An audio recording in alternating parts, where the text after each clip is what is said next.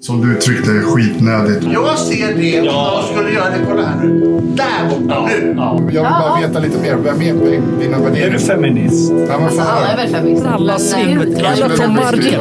Allt vad man orkar bara... Ja, då har jag den här liksom. Kom igen Jimpa, kör. Och då har jag att det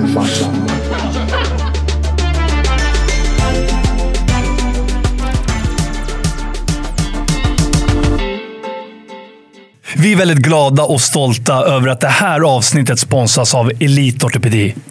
Ja, jag är så himla glad att vi har gjort det här samarbetet. För när jag träffade Dr. George första gången på Elitortopedi, då kände jag verkligen från hjärtat att det här har jag saknat. Under idrottskarriären, någon som ser liksom med spetskompetens varje enskild skada. Nu efter karriären med de förslitningarna man har. Och jag vet att det är så många där ute, inte bara aktiva idrottare eller för detta idrottare, utan med andra yrken också, som går runt och har ont, smärta varje dag.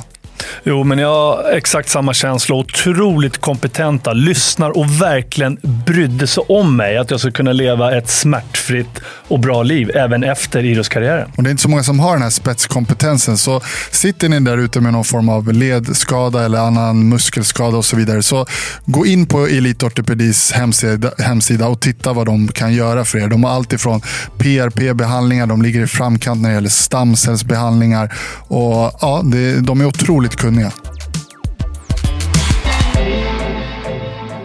Okej brorsan, då ska vi köra vårt första avsnitt där vi faktiskt inte har en gäst. Ja. Brottabröder spekulerar. Där vi kommer ha en tillbakablick idag, men vi kommer också ha ett ämne där vi kommer in på det här med fighting bland annat. Just det. Ja, vi har ju fått lite önskemål om det här. Så eh, det ska bli skitkul att, att köra ett avsnitt bara du och jag idag. Eh, Det har gått 20 avsnitt nu som vi har sänt. Och eh, jag tänker så här, ska vi börja och bara tänka tillbaks lite grann? Vad, vi har haft fantastiska gäster här i, i studion. Vad tänker du på brorsan när du tänker tillbaks på de här 20 avsnitten? Vad har liksom satt sig top of mind? Ja, det är så mycket. Vil- Vilka gäster vi har haft. Eh, nej, men jag tänker nog på hur skört livet kan vara ibland. Och ibland är det tillfälligheter som gör att man faktiskt överlever. Hur menar du då? då? Nej, men jag tänker på eh, bland annat eh, Per Holknekt. När han stod där på bryggan, hade hagelbrakan i munnen och skulle trycka av. Och precis då så får han ett samtal. Och det läskiga i det här, kommer du ihåg? Sebastian Staxet. just det. När han står på perrongen och ska hoppa och ta sitt eget liv, då får han ett samtal från sin bror som säger att brorsan, du har kommit in på behandlingshemmet. Mm. Ja, eh, när du säger det. Och det, det läskiga med det där är att kan det bara vara en slump tror du? Eller vad, vad, hur, så här då, vad tror du? Tror du eh, på övernaturliga krafter? Tror du på Gud? Tror du på ödet? Jag tror på uh, det finns någonting övernaturligt och jag ska berätta faktiskt en händelse i mitt liv som, som, eh, som hade med det här att göra. Jag stod en gång tillsammans med en brottarkompis på Slussens tunnelbanestation. Vi står och väntar på tunnelbanan. Vi skulle byta i Slussen från Midsommarkransen ut till Farsta. Det är massa människor på perrongen. Och helt plötsligt så bara slår det mig en tanke. Då säger jag till Magnus så här som stod bredvid mig. Fasiken Magnus, kommer du ihåg när det var en som hade hoppat framför tunnelbanan i Midsommarkransen och som dog? Just det. Ja, just det, säger Magnus då. Från ingenstans. Vi pratade om helt andra saker. Fem sekunder efter så hoppar en 20 meter längre bort ner på, framför tåget. Och jag ser hur han hänger i den här stora klumpen där man kan koppla på fler eh, tunnelbanor då, eller vagnar. Eh, hänger där och skriker, men så till slut så ramlar han under och blir påkörd. Och de kommer och plockar upp delar. Och jag minns den här Salomon-väskan som han hade som de plockade upp. Den var hel. Och, där, och det har jag tytt själv, att jag fick en förvarning. Jag hade kanske kunnat stoppa det här. För jag hade kanske, jag vet inte exakt, men säg att det var 5-10 sekunder och han stod kanske 20 meter borta. Har du skuldbelagt dig själv då? Nej, absolut inte inte. Det har jag inte gjort. Men jag, just det här som du kommer in på. Mm. Hur kommer det sig att både Per Holknekt och Sebastian Staxet, precis när de ska ta sitt eget liv, Mm. så får de ett samtal som vänder hela deras liv. Och tänk om det är så att när vi är i de här mest utsatta situationerna, när, vi liksom är, eller när någon är benägen att ta sitt egna liv. Tänk om det egentligen alltid är så att Gud eller den här kraften, då, vad man nu tror på, ger en förvarning. Men det är bara så att personen i fråga inte är mottaglig för signalen. Så i det här fallet var både Per Holknekt och Sebastian Saxet mottagliga för signalen. De hade på något sätt redan liksom själsmässigt öppnat upp för att det kanske finns någonting annat och öppnat den dimensionen. Och därför är det egentligen kanske inte en slump att just båda de två fick det här samtalet. Förstår du vad jag menar? Men jag Det- tänker också åt andra hållet. Ja. Det kan ju vara att faktiskt de som ringde det här samtalet ja. fick ett eh, budskap eller ett tecken eller någonting Mm. och faktiskt tog det här samtalet. Det kanske var att de satt där och sa plötsligt nej, jag måste ringa till Per. Mm. Jag måste ringa till Sebastian. Och det bara, bara var en sån jättestark Jo, känsla. Och kunna tyda den också. Mm. Nej, men det är det jag tror, att den här goda kraften eh, bakar ihop ett scenario. Så det krävs ju från båda hållen. Att både den som lyfte luren kände någonting och mottagaren, i det här fallet Per och eh, Sebastian, valde att eh, eh, svara i det här samtalet. För hade de inte varit öppna från början, då kanske det hade varit så att de hade redan stängt av telefonen innan. Eller det kanske hade ringt, men de hade bara skitit i det. Så att det är liksom, jag tror att den som får den här signalen måste på något sätt ha öppnat upp för den här dimensionen. Och det är så många som går runt där ute och bara lever tvådimensionellt. Mm, och, att ta tillvara på de här tecknen. Och där tänker jag också på Mikael Dahlén, lyckoprofessorn som vi hade. Ja. Han sa ju att när de tog bort gasugnarna i England, då minskade självmorden radikalt. För att det är ofta en tillfällighet. Man är nere i en djup svacka som kan vara väldigt, väldigt kortvarig. Den kan vara en tio minuter, eller en halvtimme eller en timme och sen vänder det. Mm. Eh, så att också tänka på det. Jag tänker på de som mår jäkligt dåligt och är deprimerade där ute. Att det vänder. Det kommer bättre tider. Mm. Även om allting ser jäkligt mörkt ut. Ja, men den eh, tänkte jag också på i det här sammanhanget. Att eh, skicka med och att det var en, alltså det är en väldigt stor grej. Att, eh, av de här avsnitten som vi har spelat in, just det där att vi har haft många som under perioder har mått väldigt, väldigt psykiskt dåligt. Och eh, vi har ju i vår närhet Mikael Ljungberg som tog sitt egna liv. Och många av de här Den gästerna olympiska mästaren i brottning. och många av de här gästerna som vi haft här kanske inte hade varit här med oss om det var så att de hade eh, haft det här black moment och följt liksom sin förnimmelse. Så till alla er där ute som mår dåligt, återigen, det kommer bli bättre. Eh, gör inget radikaliskt utan ta hjälp istället. Men eh, ska jag berätta, eller ska vi gå vidare? Eller? Jag tänker på en händelse under de här 20 avsnitten som jag Ja. som har satt sig. Jag bara tänker om vi ska hitta en, en röd tråd, en gemensam nämnare. Mm. Jag tänker på den här revanschen också. Hur många gäster vi har haft som liksom har varit så jäkla långt nere. Lite som vi själva har haft en tuff eh, uppväxt som vi skrev om i vår bok Brottarbröderna, men hur vi har lyckats vända motgång till framgång. Eh, och det har vi sett otroligt många exempel. Vår första gäst, Markoolio, som eh, växte upp i väldigt, väldigt tuffa förhållanden, men lyckades vända livet och är så otroligt framgångsrik på alla möjliga sätt idag. Och det där har vi ju varit inne lite grann på med den här drivkraften som skapas. Det, jag, det är några olika drivkrafter jag kan lokalisera efter de här avsnitten. Och en av drivkrafterna det är ju den här liksom, att det nästan krävs att studsa på botten verkar det som. För att där någonstans bygga en glöd som, liksom, och en, som blir till en eld som brinner väldigt, väldigt starkt. Och det är en, en sån här gemensam grej. Sen en annan grej också som jag reflekterade över, det är det här med att rädsla ofta är återkommande. Men att det verkar finnas två olika typer av personer. Den som eh, blir paralyserad av rädslan, men det är den ena. Och den kommer oftast inte så långt mot sina mål. Men sen finns det den andra personligheten, det är den som utmanas av rädslan. Där rädslan blir som en drivkraft som liksom pushar en över kanten hela tiden. Och liksom så här, utanför ens comfort zone. Och där har vi också de här exemplen med Gago pratade ju väldigt mycket om rädsla och hur det har styrt hans liv. Men att han hela tiden har utmanats och inte låtit rädsla paralysera han. Markoolio samma sak. Kommer du ihåg när Markoolio berättade om hans första gig när han skulle upp i, i Gävle där? Och han bara skrek direkt. Så liksom så här, bara, jag gör inte det här, jag kan inte göra det. Jag kan ingenting, jag är inte sångare. Och så bara går han ut och folk bara jublade. Och, och den otroliga kicken eh, som han fick. Men just det här du är inne på, att man faktiskt kan hämta energi från någonting negativt och dåligt och som har varit väldigt, väldigt tufft i livet. Eh, och det tror jag inte alla tänker på där, man, där ute, utan man, man, eh, ofta så kanske det är tvärtom, att man får mycket negativa tankar, eh, man känner sig dålig och sen så vågar man inte försöka.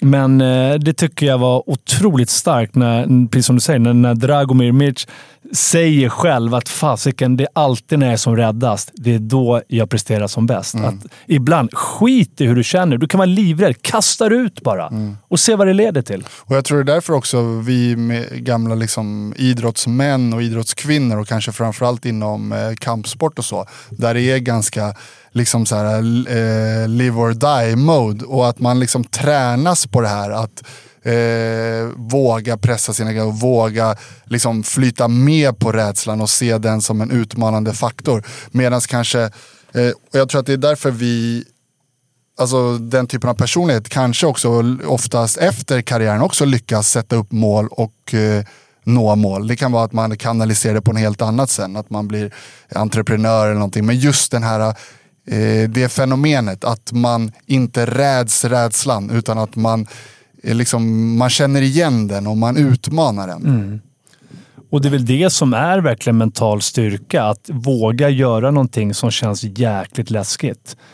Och Det kan man ju själv känna igen, att när man väl har eh, trotsat den här rädslan och, och kommer över någonting, det är ofta då kickarna är enorma. Det är då man känner att man tar nästa steg och man utvecklas i sitt liv eller med någonting. Även om det kan vara så jäkla jobbigt när man ska ut där. Verkligen. Ja, otroligt eh, spännande reflektioner och vi har haft eh, jätte, jättespännande Men för att gäster. lätta upp lite också. Ja. Det här är ju ganska djupa grejer. Peg Parnevik. Eh, det har etsat sig fast i, i min hjärna. När hon berättade att hon blev dumpad via ett sms efter Och det är också flera ganska tungt relationer. sig, Jo, men ändå. i efterhand. Jo, jo, men själva diskussionen. Det är skittungt såklart, men i efterhand. Eh, och då vill jag bara ställa frågan till dig. Mm. Är det okej att dumpa varandra på ett sms? Jag det tänk- Finns det något tillfälle där det är okej? Ja, jag har faktiskt reflekterat lite över det också efter det här med Peg och det. Och då, jag har tänkt så här att, alltså självklart alla relationer ser olika ut och beroende på liksom vilken form av grundrespekt som har rådit i relationen och så, här, så skulle det enkla svaret vara nej. Jag tycker att man måste alltid kunna ta en sån grej liksom öga för öga. Och Ja, men det är ha- så jävla fegt. Ja, och också ha respekt för mottagaren i det här fallet. Att om jag ska eh, till exempel då göra slut med min flickvän så hoppas jag att, jag, att, att det finns den empatin för hennes re, relation, eller reaktion. Att jag kan finnas där och, och liksom svara på frågor och vara en tröstande kraft och så vidare. Så jag tycker att det generella svaret är att det är jävligt fegt och att det är eh, ja men vad ska man säga, ganska egoistiskt. Men, jag ska också säga men, självklart, vi vet inte hur deras relation har sett ut. Det kan ju ha varit så att det har, förekom, att det har varit en väldigt destruktiv relation, nu spekulerar jag bara. Och att eh, det har varit så mycket psykiskt liksom, påfrestande för Filip i det här fallet att enda vägen ut är kanske att göra det på ett snabbt och liksom så här, ja, i det här fallet fegt sätt då, men för att liksom det är enda sättet att avsluta. För är Ja, man men kan inne- man, man kan väl göra det snabbt och bara ringa upp?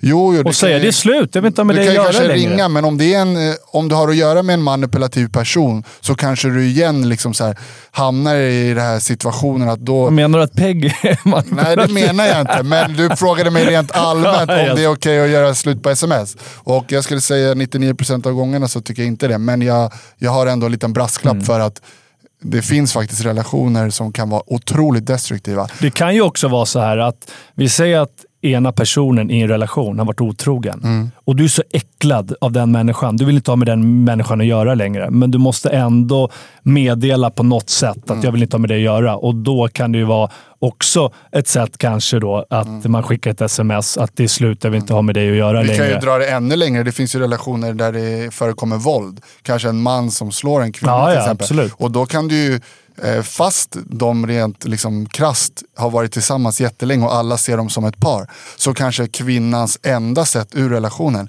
är att när mannen är på jobbet packa ihop sina grejer och, och dra. Inte Mm. ens ett sms. Inte, utan det är liksom, man brukar ju säga det, eller det, inom psykologin just när man läser på om destruktiva relationer så kan det behövas att man gör ett sånt form av avslut. Så eh, återigen, det här med sms och så, jag tror ju att i det här fallet så handlade det kanske om feghet från Philips sida och då tycker jag att det eh, var fel. Men eh, vi måste ändå Ja. försöka tänka att det finns jäkligt många olika typer av relationer och man vet Absolut. aldrig. För Liksom, hon blev ju väldigt chockad. ja, hon blev ju blev väldigt, ju väldigt och väldigt chockad. sårad Ja. såg man att hon blev. Och det kan man ju förstå. Väldigt, väldigt ledsen. Eh. Såklart. En annan sak jag tänker på. eh, Hur tror du att det kommer sig? Alltså, vi har haft så otroligt många gäster som har vågat öppna upp. De har berättat saker som aldrig pratat om någon annanstans. Mm. Vi har haft många allt från machokillar och tuffa personligheter som har suttit och gråtit här. Har varit Mm. ledsna. Det har varit otroligt mycket skratt Mm. också. Mycket, mycket känslor. Eh, kan det vara så att det är miljön här som gör att eh, människor öppnar upp? Men vi vet att miljön är viktig för hur vi mår, hur vi känner oss. Eh, eller kan det vara du och jag som har en inverkan? Många har också varit lite nervösa när de kommer hit och så märker de, fasiken, grabbarna har ju dragit ner garden och så blir de väldigt avslappnade och vågar börja berätta. Vad tror du? Vad är, varför har det blivit så att det har blivit så känslosamt? Både åt ena hållet och andra hållet. Ja, men om man får slå sig själv på bröstet lite så tror jag att här, en av våra styrkor som intervjupodd, eh, och jag har lyssnat på en del intervjupoddar, men det är ju just det här, och det har vi fått också jättemycket från våra lyssnare, att det blir väldigt känslosamt och att, eh, som du säger, att det, eh, man märker att så här, gästen sitter inte i en stel intervju, utan det, vi har kommit in dem på livet verkligen. Och jag tror att det är en kombination av många av de där sakerna. Dels tror jag att så här, nu ska vi in och möta två brottarbröder. Två machokillar Ja, som sitter där och det är lite läskigt. Då, då, då bygger man upp en eh, spänning. Sen när de eh, får liksom komma in i studion, vi har byggt upp den på det sättet att den är lite så här Mjukt och varmt. Ja, och, och har en speciell stämning. Och sen märker de då att vi kanske liksom själva drar ner garden och då släpper den här eh, nervositeten de har byggt upp Mm. och vi vinner ett förtroende. Och så eh, hittar vi liksom eh, den dynamiken därifrån. Mm. Och jag ska jag säga, vi hade ju lite rolig vadslagning faktiskt. Vi sa ju det att vi ska vara de enda som får Per Morberg att börja gråta i en intervju. Kommer du ihåg det? Ja, men det, det sa vi. Det, det, och det fick vi höra om i det omen. Ni kommer aldrig få han att visa Och känslor. det är att det finns Den ett klipp, machotuffingen. det finns ett klipp när vi åker ut i bilen där, kommer du ihåg det? Och vi Ja, säger så här, för det "Nu spelade jäk-" vi in hemma hos honom. Och precis, vi åkte ut mot Per och då sa vi att nu jäklar, nu ska vi bryta ner den här machokan på uh, skärgården. Ja, men se vem man är under Ja. den här fasaden Exakt. och, och hårda fasaden. Och eh, det var faktiskt otroligt att få se den andra sidan av Per och det blev en jättefin Mm. intervju.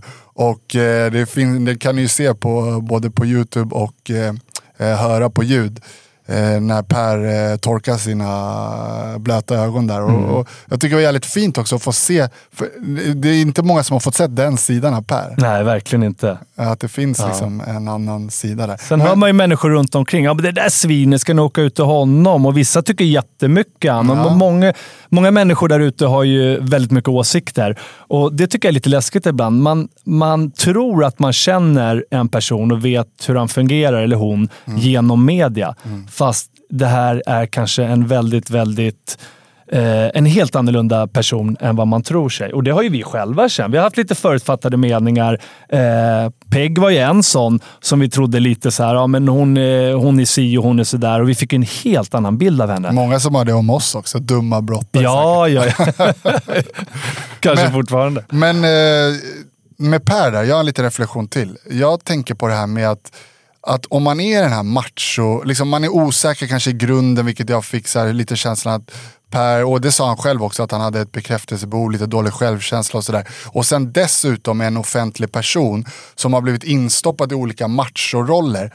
Då kändes det som att han var förvirrad själv tycker jag lite grann. Om så här, alltså att han nästan har en roll som han är även privat och att han har lite svårt att skilja eh, lite själv på den här macho-Per som han tror kanske någonstans att han måste vara. Han berättade om någon situation på Konsum där, kommer jag ihåg. Och sådär. Tror du att det är svårt? Ja, men han liksom? berättade ju att det värsta han vet, det, det var så starkt, det, det var när folk står och glor för att han är kändis. Folk tittar.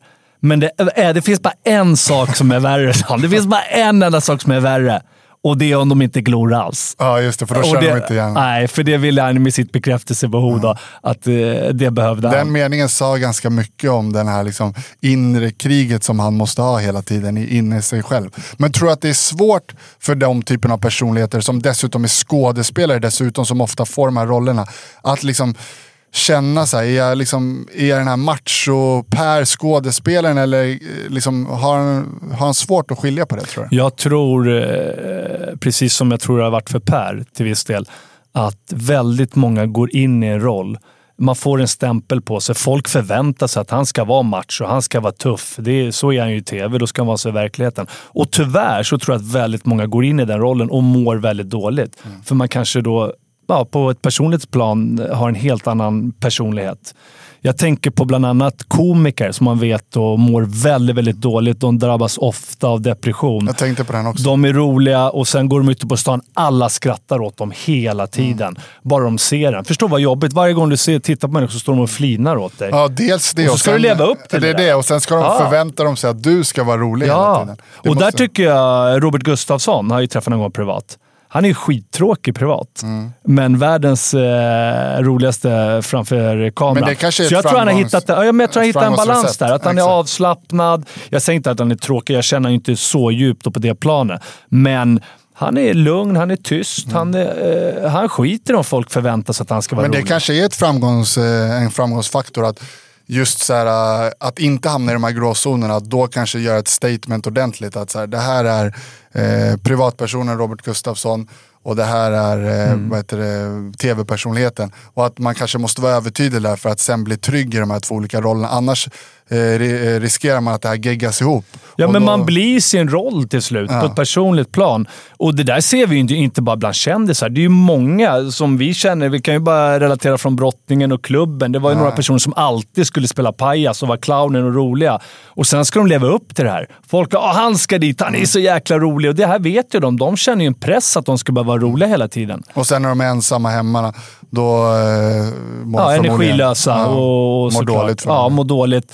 Må, och hela tiden leva upp till den här bilden. Och kanske kunna- man ska vara tuffingen, eller man ska vara den glada, eller den roliga, eller nå- någonting annat. Jo, exakt. För att om man ska dra det liksom så här generaliserat, att vara i en roll, det tar mycket energi. Oj, oj. oj. Men att kunna vara sig själv, då, liksom, ja, men då är man ju sig själv och är i nuet. Så jag tror att alla de här som, oavsett om det är en känd person eller inte, men som hela tiden ska gå in i en roll så fort man ska vara i ett socialt sammanhang.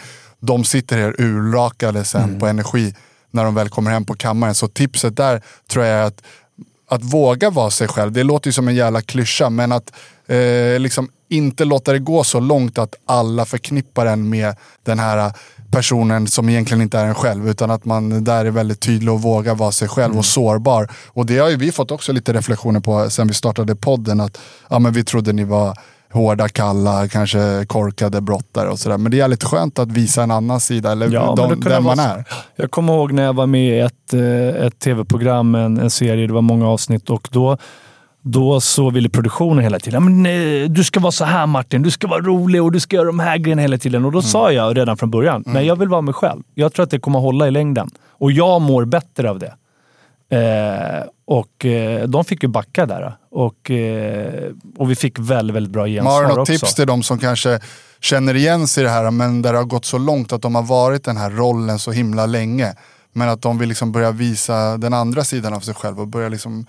Ja, men det krävs mod. Var dig själv. Spela inte någonting som du inte är eller som du ska leva, leva upp till. Sen kan man ha perioder när man tycker det är skitkul att vara den här clownen eller vara rolig och, och, eller, eller vara den här tuffingen och så vidare. Men inte hela tiden. Att leva upp till någonting som man inte är, det mår ingen bra av. Det, och det var precis som du är inne på. Det tar otroligt mycket energi och du kommer börja må dåligt efter ett tag. Fast Per Morberg hade en egen reflektion över det här. Han sa så här, ja, men, olika roller, det är vi allihopa och vi hoppar in i olika roller hela tiden. Så eh, på något sätt så har han ju lite rätt också Jo, jo, till viss del. Men inte att du ska leva upp till kanske en roll som du inte vill vara hela tiden. Som du alltid ska leva upp till. Sen har vi olika roller och vilka, beroende på vilka människor du möter och vilket sammanhang du är i såklart. Så har du olika roller. Ibland är du ju business, eh, affärsmannen Jim och ibland är du poddaren Jim och ibland är du idrottsmannen Jim. Man, olika auktoriteter beroende på vad, såklart, eh, vad man vill ha ut av sammanhanget och sådär. Så att, eh, självklart. Eh, ja, jag tänkte på en gäst som jag vill nämna faktiskt, eh, som satte sig lite extra hos mig. Det var när vi hade tunnelbanenettan. Eh, Vilken härlig tjej. Jeanette heter hon. Ja. Eh, Och henne har många åsikter om. ja verkligen. Väldigt verkligen. mycket åsikter. Ja, men, eh, fantastisk kvinna, men det som satte sig, det var det här aha-upplevelsen när hon sa det här med att vet du hur många fattiga pensionärer det finns bara i Stockholm? Och många pensionärer som har jobbat ett helt liv, varit med och byggt det här samhället och som idag är hemlösa. Och då var det så här, jag fick en aha-upplevelse liksom så här, jag visste inte ens att det här fenomenet fanns. Och tänk dig liksom så här, när man sätter sig in i det här på djupet. Tänk att du är en person Martin som har jobbat hela ditt liv, kämpat för din familj, bidragit till det här samhället, Slitit ut betalat din kroppen skatt, kanske. slitit ut kroppen och allting. Och sen så när du blir liksom pensionär och ska få luta dig lite grann tillbaks, då kommer den här dåliga, dåliga utbetalningen på kontot och så det i förhållande, eller i, klaffar med några andra typer av livshändelser. Det kanske att, En separation ja, eller separation eller någonting någonting. som gör att du ett plus själv. ett blir tre där. Och så har du inte ens råd att bo kvar i din bostad och hamna på gatan. Och att det här liksom, vi pratade inte om eh, fem, tio stycken utan om jag förstod Jeanette rätt så var det då, nu har det blivit bättre på grund, mycket tack vare hennes jobb, men då när det här fenomenet uppdagades, att vi pratade hundratals Ja. bara i Stockholm. Ja, det är fruktansvärt. Precis som du säger, slitit ut sig och jobba och kämpa och byggt det här samhället hela sitt liv. Och sen som du säger, äntligen så kanske man ska få ta det lite lugnt och njuta av sina sista år i livet. Och sen så hamnar du på gatan. Och det behöver ju inte vara så att du hamnar på gatan, men du kanske var så illa så att du knappt kan betala dina räkningar. Eh, du har inte råd att köpa mat och så vidare. Men ska det vara så? Ska vi inte begära mer av Sverige som land? Ska det inte... Alltså om vi nu ska eh, vad heter det, ta en annan gäst, Jan Emanuel, Ja, men- våga vara lite radikala. Ska Ja, men inte... det är what's in it for me. Det, det, jag, jag tycker det är så mer och mer när vi tittar på våra politiker. De, skit, de höjer sina egna ersättningar hela tiden. De skiter i våra pensionärer, känns det som, och uteliggare och så vidare. Borde man inte kunna, har inte det här samhället råd att säga så här, okej om du går i pension eh, och har jobbat det, då ska vi ta alltså, åtminstone din mediala inkomst som du har haft under din arbetsperiod. Om det då, självklart om man har varit, levt utanför samhället och tjänat svarta pengar, men om, om vi säger så här, du har, du har jobbat 20 plus år. Då räknar man ut en medelinkomst och den ska du få fortsätta ha resten av Borde inte Sverige ha råd Jo, med men det finns ju inte pengar för det, för de höjer sina egna löner Ja, och- hela tiden. Och det här ser vi ju gång på gång Och ge på gång. bidrag till sådana som kanske inte ska ha bidrag och så vidare. Och så ska vi, ja pengar, jag vet inte var de... Nej, men jag kommer ihåg min morfar, eller våra, våran morfar eh, Sivert, Mm. när han var helt galen en gång och sa att statsministern hade, hade höjt sin lön vid ett enda tillfälle mer än vad hela hans pension var. Men krävs det inte för ett folkuppror? Ja, men bara- svenskar, vi går ju nästan aldrig ut på gatan och, och eh, demonstrerar eller säger ifrån, utan vi, eh, vi tar det bara för givet. Att, eller ja, det är som det, är ungefär. ju mycket som händer nu eh, runt om i världen, vi ska inte gå in på det idag, men det är ju ett litet eh, paradigmskifte där folket någonstans är på väg att ta tillbaks makten eller försöker ta tillbaks makten. Och det pågår ju många sådana processer eh, runt om i hela världen. Eh, tror du att om vi om den här liksom revolutionen nästan som är på gång, men där det liksom är mörka och goda och onda krafter som liksom strider mot varandra. Vi ska som sagt inte gå in på det, men tror du att om tio år att det ser annorlunda ut? Eller tror du att det här kommer bara bli värre och värre? Att eliten kommer eh, suga ut mer av den vanliga människan, eller medelklassen? Eller tror du att det här folkupproret, att det kommer liksom verkligen få effekt? Ja, det där är en lång och djup fråga, men eh, jag brukar vara optimist. men jag är nog lite mer pessimistisk i den frågan. För jag tycker att folk mer och mer, och hur så samhället ser ut idag, digitaliseringen och så vidare. Eh, det blir färre och färre bolag, men de blir större och större. Det blir färre och färre vid makten. Vi har inte kvar den här industrialiseringen med stora företag där alla jobbade längre, utan folk roffar åt sig så mycket de kan. Det finns ju en liten Solidariteten, den, den konspiratorisk tanke, eller konspiratorisk konspiratorisk, men just det där att eh, eliten eller de stora bolagen, de absolut rikaste i världen, vill inte att det ska finnas någon medelklass, utan de vill att det ska finnas en fattig klass och en rik, alltså en Ja, det elit. gynnar ju dem. För att eh, eh, medelklassen är ju liksom eh, beroende, eller inte lika beroende av dem idag, men om den bara hoppar ner några pinnhål. Och det har, vi, har ju hänt bara i år, att så här, ja, men, eh, helt plötsligt har man inte råd att betala sina räkningar. Det är många som har, räntorna har skenat och sådär. Och då går man från fattig till, eller från medelklass till fattig. Och när man är fattig så blir man ännu mer beroende av institutionerna, de stora bolagen och de rika i världen. Men Så- det man ska förstå också, det är att får vi fler fattiga så kommer det drabba även de rika negativt. Vi kommer få mer kriminalitet, högre andel som blir kriminella, värre brott och så Ja, men vidare. är inte de och vem ska, men vem ska man ta pengarna av? Det blir ju de som har pengarna såklart. De kommer drabbas också. Man ser redan nu, vissa börjar flytta från landet och så vidare och, och när kriminalitet och Ja men i och så deras eh, skyddade värld så om det bara kommer in mer och mer pengar där så tror du Ja, de men- b- bryr sig om den andra Nej, men det världen. blir fler och fler kriminella. Har du Och- sett Hunger Games eller? Jag tänker på den här eh, Kapitolium där och sen, eh, du har inte sett den va? Nej, inte så. Nej, ja, men det är olika dimensioner och de längst ner är liksom, eh, i de distrikten, de, är liksom, de, har inget, de har ingenting utan alla resurser finns liksom på ett ställe. Men eh, som ja, sagt, men jag, sen, eh, ja. eh, jag har ju eh, en sak jag, bara, som jag, jag vill slänga ut med också när vi, när vi kör den här tillbakablicken bara. Mm. Eh, jag tycker det är så häftigt att man kan börja från noll Mm. Och bygga framgång och bli så otroligt, otroligt framgångsrik som Torsten Jansson har blivit, som skapade New Wave. När han berättade att han stod i sin källare, köpte in lite t-shirtar, började trycka på t-shirtarna, gick ut på gatan och försökte hitta sina första kunder. Och idag så driver han ett miljardbolag. Jag tycker det var så otroligt inspirerande och det vill jag också slänga ut till alla er där ute.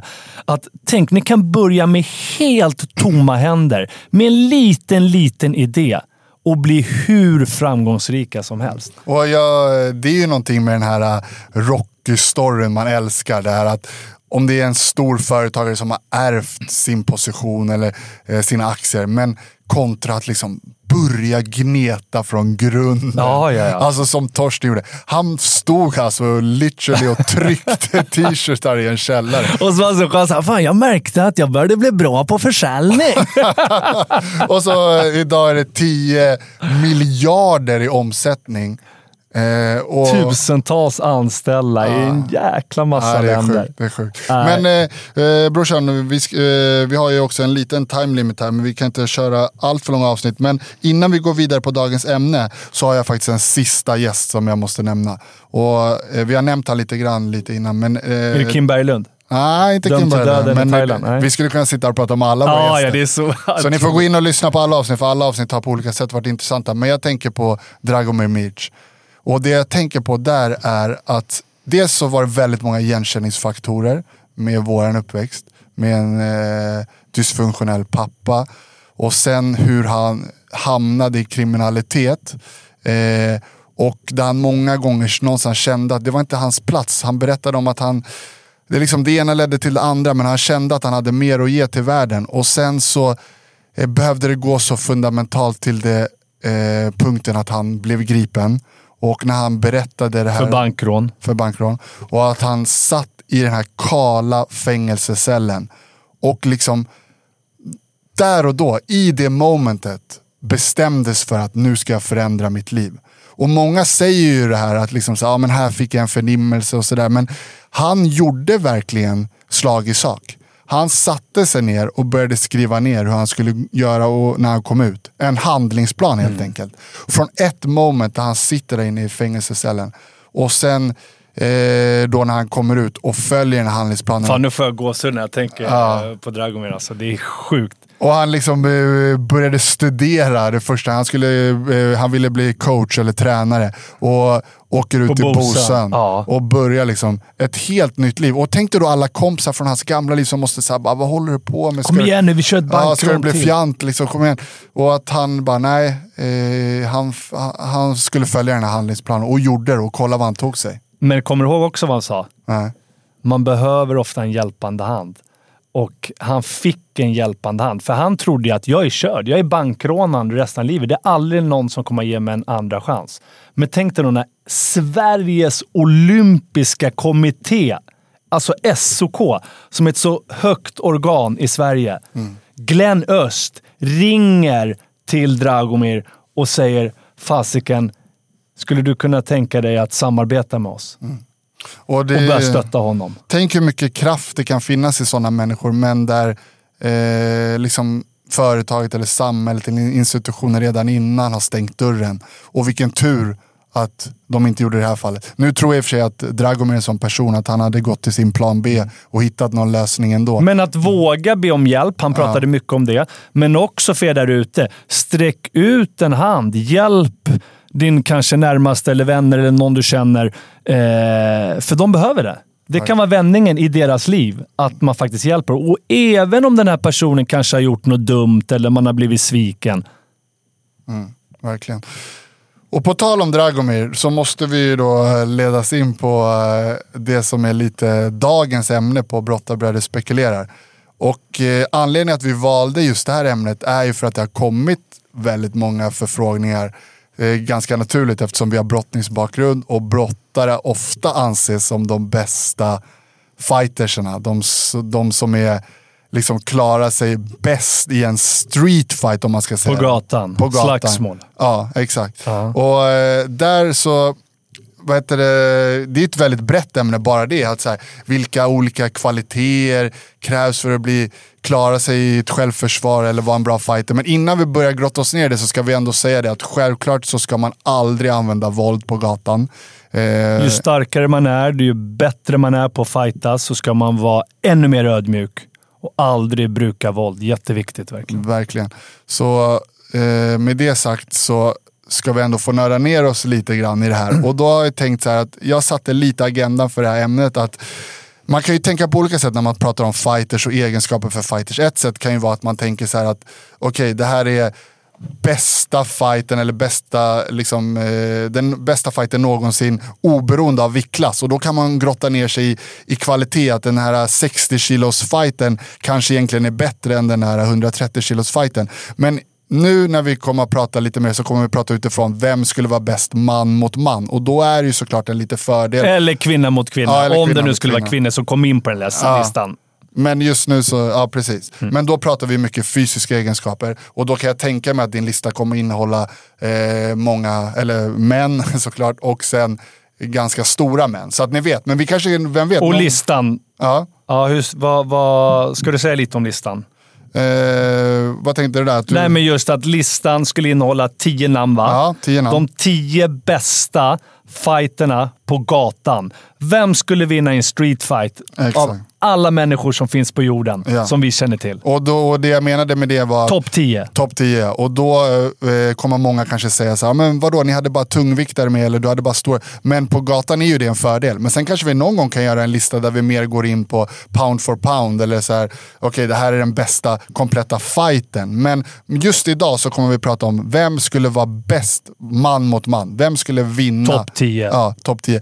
Eh, men innan det brorsan, kan inte du eh, gå in lite grann på vilka egenskaper då, eh, tror du är viktiga om man möts där på gatan? Liksom. Det är ingen ring, det finns ingen matta, det finns inga vapen. utan jag ser framför mig nästan som en fotbollsplan. Liksom så här. Du vet att det är en fight på gång, jag vet att det är en fight på gång. Så långt vet båda två, så det är ingen som kan ge en tjuvsmäll bara bakifrån. Men det finns, inga, det finns ingen arena liksom, med matta eller ring eller, och sådär, utan det är naket. Liksom. Bara. Nej, men det är ju som med allt. Det är, alltså framgångsfaktorer. Det är klart att det finns det här också. Eh, och sen så tror jag att det är jätteviktigt med erfarenhet. Såklart. Har du varit i mycket fighter så kommer du bli bättre på det såklart. Eh, sen kan man också tänka, hur ser, hur ser det ut i själva området? Är det en trång gränd så kommer det bli en helt annan karaktär av fighten. Eller är du ute på en stor fotbollsplan? Eh, men jag tror just det här att såklart erfarenhet, tyngden kommer ha betydelse såklart. Eh, hur stor du är. Eh, men också om du är för stor, för muskulös, så ska ju det syresättas och du blir fortare trött. Du blir snabbare trött om inte matchen avslutas väldigt snabbt. Mm. Sen har du ju det här med adrenalinpåslag. Är det för stort, då kommer du börja skaka och då kommer du inte kunna... Och, och kanske det parasympatiska nervsystemet slås ut. Då spelar det ingen roll hur grym du är. Eh, Tror du det är någonting som är alltså medfött? Att vissa eh, har det här att rädslan eh, gör att de liksom blir, kan kanalisera det genom att bli eh, fokuserat aggressiv medan alltså vissa eh, blir mer rädda i form av paralysering. Eller tror att det är en eh, grej man kan träna upp eller en kombination? Nej, men absolut kan du träna upp det och jag tror att har du fightats mycket man mot man och hållit på med boxning, kickboxning, brottning eller nu, då, är du, då har du ju såklart en viss erfarenhet och känner dig tryggare i de situationerna. Men vi vet också att de som blir slagna mycket, de börjar ofta att slåss själva och de blir duktiga på det. Och en gäst som faktiskt nämnde det här, det var ju Markoolio. Just det. Sen tänker jag på det där du sa, eh, alltså eftersom vi har mycket erfarenhet av det här man mot man och sådär. Jag var ju en ganska taktisk brottare och, och om du är en fighter så taktiken där, just det du sa med att om, om det är en jätte, jättestor person väldigt muskulös så vet man ju att det finns mycket kraft bakom. Men också att eh, rent, eh, om man ska generalisera, uthålligheten kommer att vara en begränsande faktor. Ja, ja, Precis. Och där måste man alltid tänka, liksom, jag brukar kalla det lite för den här top-dal-principen. Att jag måste få liksom, mina toppar att gå mot hans dalar. Att om jag möter en som jag vet är starkare än mig, då måste jag få på något sätt han att, eller hålla mig ifrån han men ändå få han trött för att sen kunna gå på hans svagheter när tröttheten börjar komma in. Eller tvärtom, att man vet att man är själv en väldigt explosiv och stark fighter, men man möter en väldigt uthållig. Då gäller det att snabbt hit, hit, eh, hitta öppningar till att eh, kunna avsluta. Så hur man än vänder och vrider på det, en fighter som är riktigt duktig kan aldrig vara korkad. Det är många som har den här förutfattade meningen att ja, men en fighter det är en korkad jäkel som bara är en slugger. Men när vi kommer in på din lista sen så den faktorn måste väl ändå vara en otroligt viktig faktor. Att fast man är en fighter så är, kan man inte vara korkad om man ska Nej, gå Nej, man brukar prata långt. om fighting EQ och det är ju såklart det är jätteviktigt.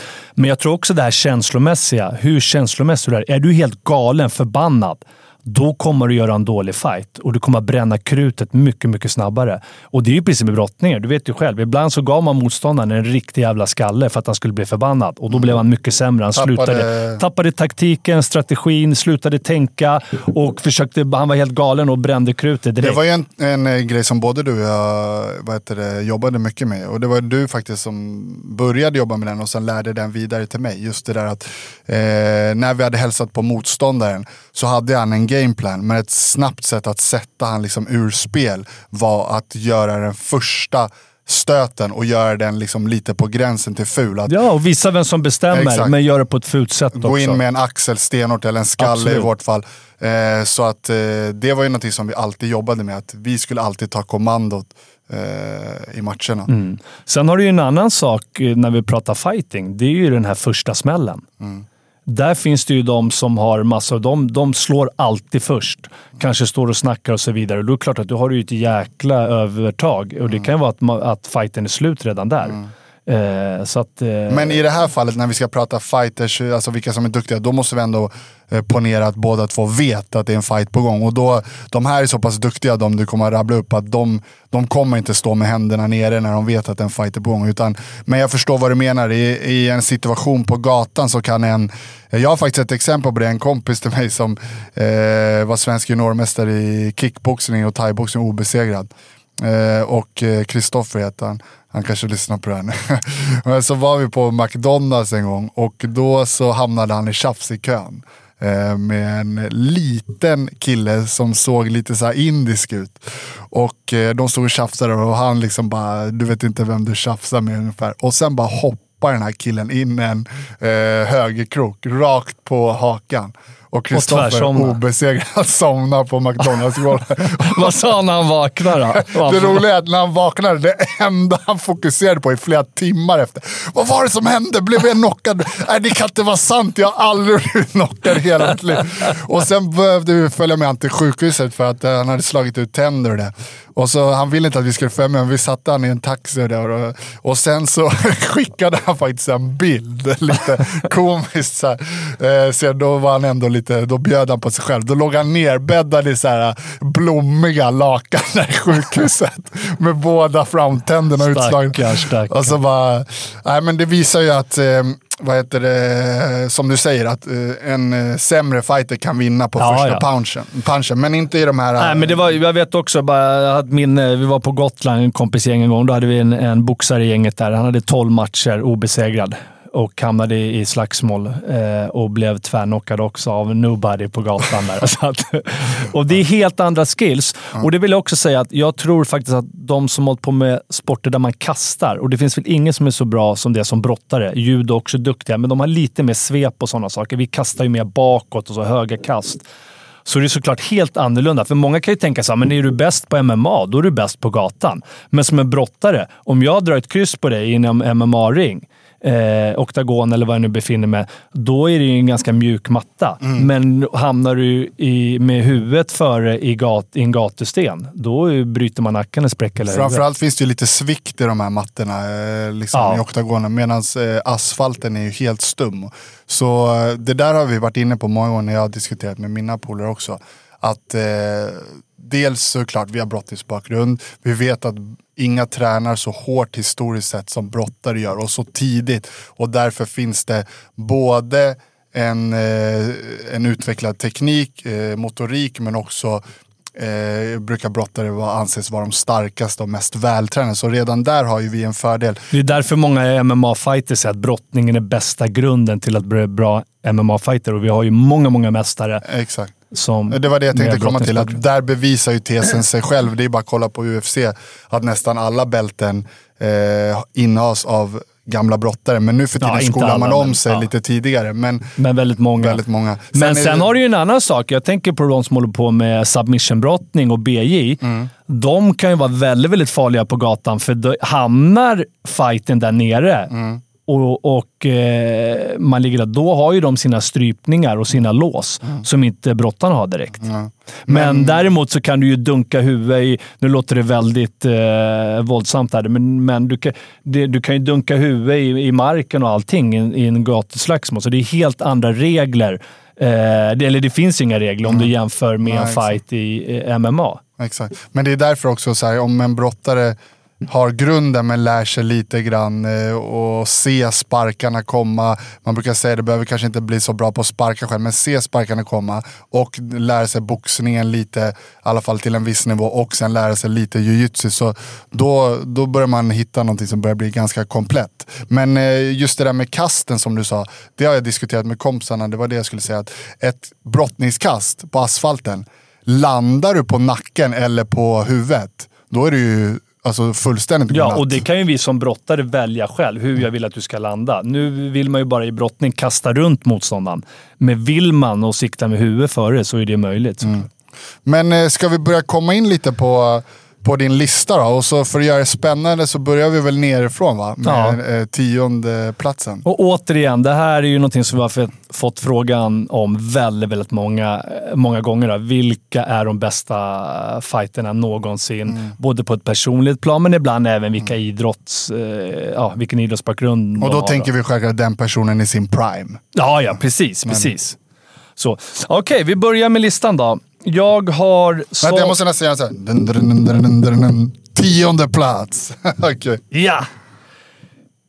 Jag tror ju att boxare är absolut inte de bästa streetfighterna. De, är- de är vana att jobba med nävarna, men de är väldigt sårbara bara när man dyker in på livet. Och det är lätt att dyka in på benen eller på kroppen. Det såg vi när vi hade boxare. Paolo här. Ja, ja. Han säckar i mig här. Eh, Men, så jag har, men jag har ändå en boxare med på den här listan. Och det är på grund av hans otroligt tuffa mentalitet. Vilken fighter! Eh, så det är mer på hans personliga plan, men också hans skill. Och hans slagstyrka är ju sjuk. Och det är såklart Mike Tyson. Jag misstänkte nästan det. Ja.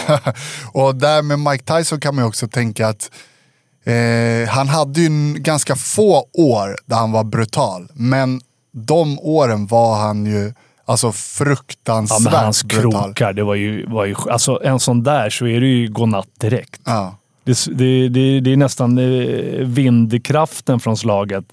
Eh, gör ju nästan som man somnar. Det här hade ju en brottare verkligen behövt att liksom hitta ett sätt att ta sig in på kroppen utan att bli sårad på vägen. Ja. För eh, blev du sårad på vägen då, då är det ju. Ja, det är ingen man står och dividerar med, utan det är bara pang bom in på kroppen. Men tror Eh, du att han hade haft eh, någon form av skills om man hade kommit ner in på kroppen? Eller, då tror jag att, tror att han hade varit helt körd då. Ja. Vi säger att du hade dykt in på Mike Tyson, lyckats värja den här kroken och tagit ner han på ja, marken. Ja, men då är han körd. Då är han borta. Då är han borta. Då han Därför ligger han bara tia också. Ja. Precis. ja, då går vi vidare då. Nummer nio. Mm. En legend. En legend. ja, okej. Kommer från eh, brasiliansk jiu-jitsu från grunden och började med MMA. Ja, då får jag gissa. Ja, det någon av Gracie? ja Hoist Gracie. Ja. Alltså en sån fighting-IQ har jag nog aldrig sett. Så otroligt intelligent och så före sin tid. Han är ju verkligen pionjär. Han eh, gjorde ju vad han ville. Det spelar ingen roll vilken eh, typ av kampsport du kom ifrån när du mötte honom eh, i MMA. Eh, storlek. Han mötte bjässar som liksom vägde 150 kilo. Så att om man tänker på hur smart och intelligent den killen är så tror jag, och med sitt lugn han hade. Han var ju så lugn. De andra var helt galna. Adrenalinet flödade, men han hela tiden hade fokus och så teknisk, så taktisk och vann varenda match i stort Och sett. han är ju lite gudfadern där till den moderna MMA. Just det där att från slugger till liksom taktiker. Och att uh, ha bakat in liksom ihop de två världarna. Och han låg ju så långt före rent eh, teknikmässigt och taktikmässigt framförallt. Mm. Så sin jag tid. tror att hade han behållit det lugnet, som jag tror, även på gatan, så hade han blivit väldigt, väldigt svårslagen.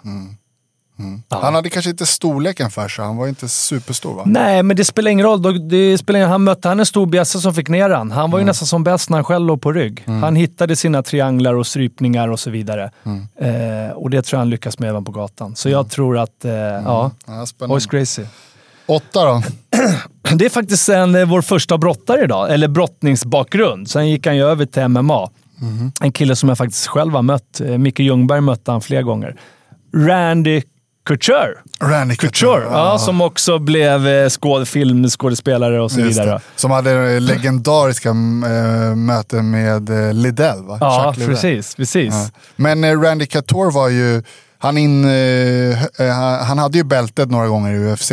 Mm. Eh, och eh, han var ju en, alltså, kallades inte han för så här dirty punch? Eh, Han gick in, Nej, han men trädde det, upp. det han var bäst på, det var ju dirty boxing. Ja, dirty boxing, och det är ju när du liksom, det är trångt, man står nära inpå, kanske trär under en arm, en, en Han eh, utnyttjade hook. brottningen där. Ja, brottningen, tryckte upp dem mot repet och så började han veva som bara den. Och jag tror ju att på den här listan, alltså han är nog en grym streetfighter, men jag tror också att han helst skulle vilja vara i trånga utrymmen. I en liten gränd, ett litet Mm. rum eller något sånt där. Är det en stor fotbollsplan så kanske han skulle hamna lite längre ner om han ens skulle vara med på listan. Mm, ja, det är en bra reflektion.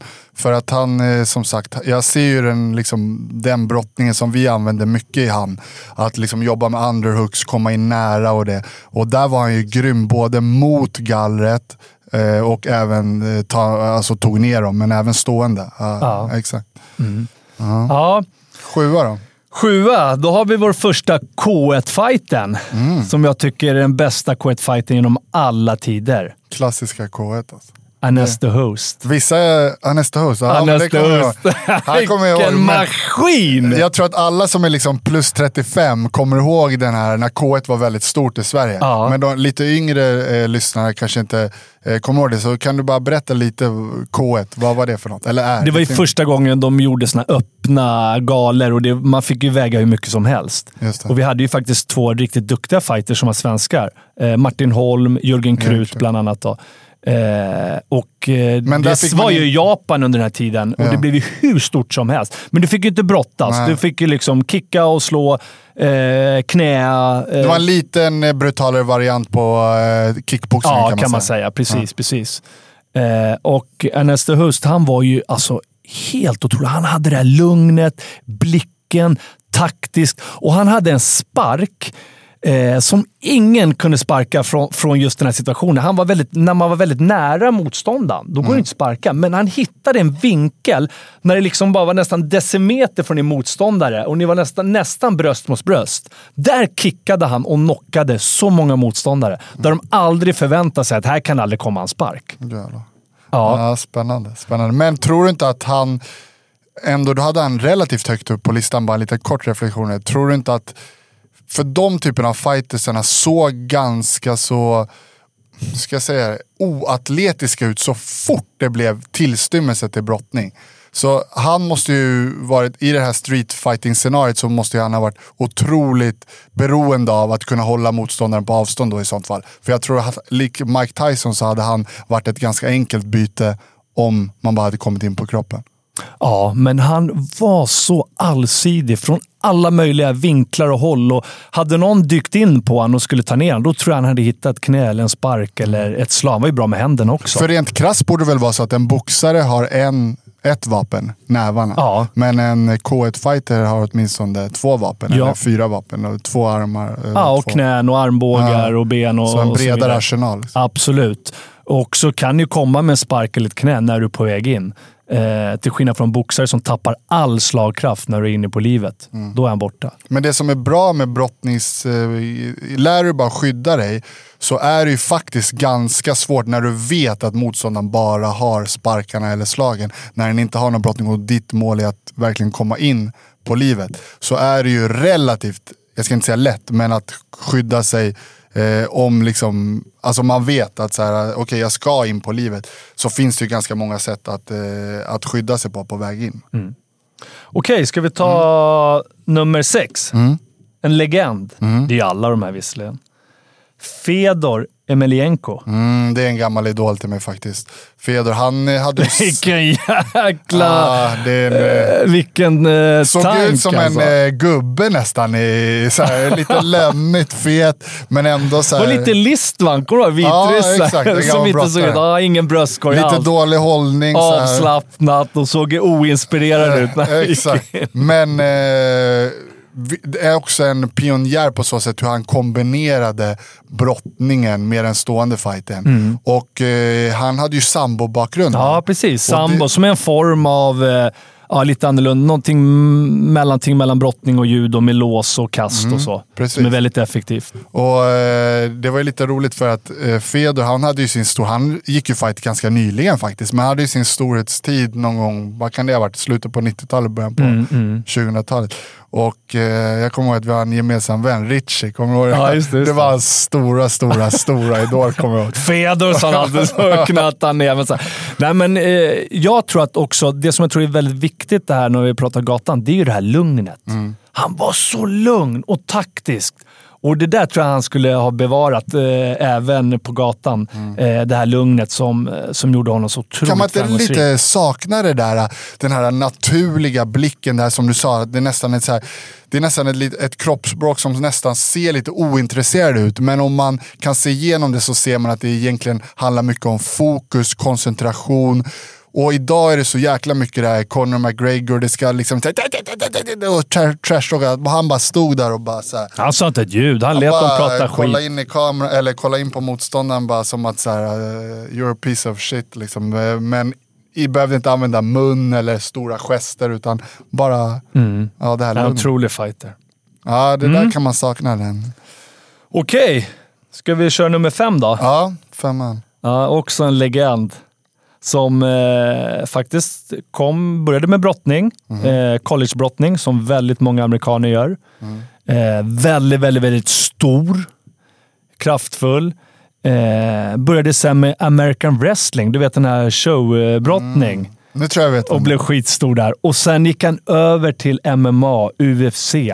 Ingen trodde att han skulle våga. Alla försökte få över honom, för han var störst inom American wrestling. Men de fick han, övertala han. Gick in i UFC och blev mästare. Tog bältet. Helt otroligt. Vem tror du det är? Ja, det måste vara Brock. Brock, Brock Lesnar! Men Ja, jag- Vilken maskin! Ja, han... Alltså det är en sån där, men däremot tror jag att han kommer... Jag ska, han skulle nog ha svårt att hitta motståndare som vågade fightas med honom på gatan, för de flesta hade sprungit direkt. Men jag tänkte på det också, just det där att han verkade ju ha alla komponenter, att han kunde fightas, han verkade ha ett bra psyk och allting. Däremot rent så här eh, fighting tekniskt så kanske många nu av våra lyssnare skulle säga så här, men vad fan, Brock Lesnar, han var ju liksom, ska du jämföra det med George St. Pierre eller någon men jag fattar vad du menar. Han hade ju ändå storleken, han hade många komponenter och eftersom vi pratar liksom en street fight. Och aggressiviteten. Ja. Och det, på gatan så också gäller att visa att du får ett psykologiskt övertag. Får du bara motståndaren bli lite, lite rädd så kommer han rygga tillbaka eh, och du får ett psykologiskt övertag. Och det var ju han världsmästare på på grund av sin bakgrund från American wrestling också. Så han skrek, han gapade, han skrämde dem. Många blev ju, de var ju livrädda att möta honom. Ja, nej, men Ja. eh, spännande. Vi går vidare då. Okej, det här nu börjar vi komma upp mot toppen. Ja, nu är vi uppe på nummer fyra redan. Ja. Och det här är en människa, för det är ingen maskin, även om man kan tro det. Det är en människa som eh, inte så många känner till. Ja, inom brottningen så är han ju väldigt, väldigt stor och i vissa länder såklart, men kanske inte sådär gemene man. Och det är brottaren Mian Lopez från Kuba. Just det.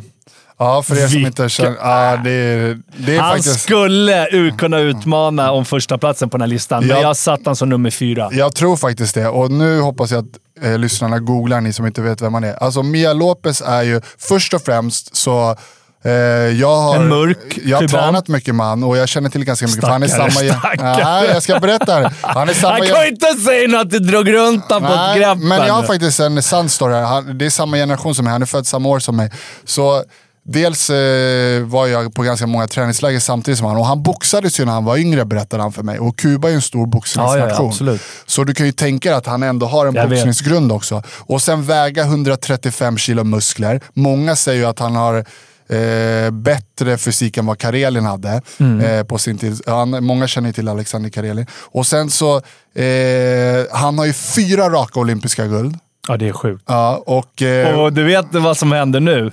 Han ska utmana för det femte. Ja, han och, kör. Han har gjort comeback och nu det till är ingen sommaren. som har lyckats i en individuell idrott på det sättet. Simning och så här, där man kan Ta eh, flera medaljer. Men i en sån här typ av... I att fem raka OS. Då skulle han bli Ja. ensam. Men jag har faktiskt... Fast en- han har inte riktigt samma fysik numera. Han har ju blivit mycket äldre nu. Absolut. Men jag har faktiskt en story jag måste dra den. Nu tror jag att jag skryter här. Men 2011, det var mitt absolut bästa år inom brottningen. Jag vann alla världscuptävlingar och jag eh, vann alla matcher i VM.